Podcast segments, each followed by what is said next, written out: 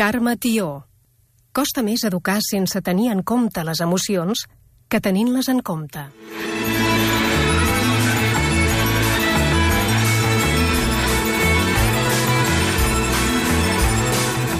Soc Rafael Vizquerra, director del postgrau en Educació Emocional i Benestar de la Universitat de Barcelona.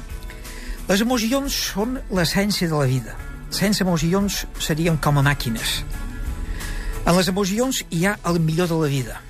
Amor, felicitat, alegria, benestar emocional, plenitud, però també el pitjor. Por, ansietat, angúnia, ira, ràbia, odi, tristesa, estrès, depressió... La majoria de problemes estan relacionats amb les emocions i les emocions poden generar problemes i conflictes a més del benestar, que és l'essència del que hauria de ser. Un dels grans problemes de la humanitat és la violència, que moltes vegades s'activa a partir d'emocions com la ira, rancúnia, odi o indignació, que no són regulades de forma apropiada. Per això, és molt important l'educació emocional. Aprendre a gestionar les emocions és un aspecte clau del desenvolupament personal.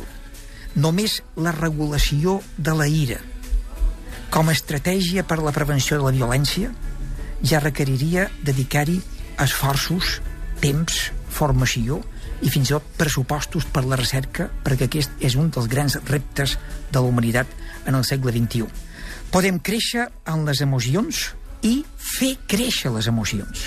I el repte és quina de les emocions volem fer créixer i quines de les emocions volem escurçar i reduir.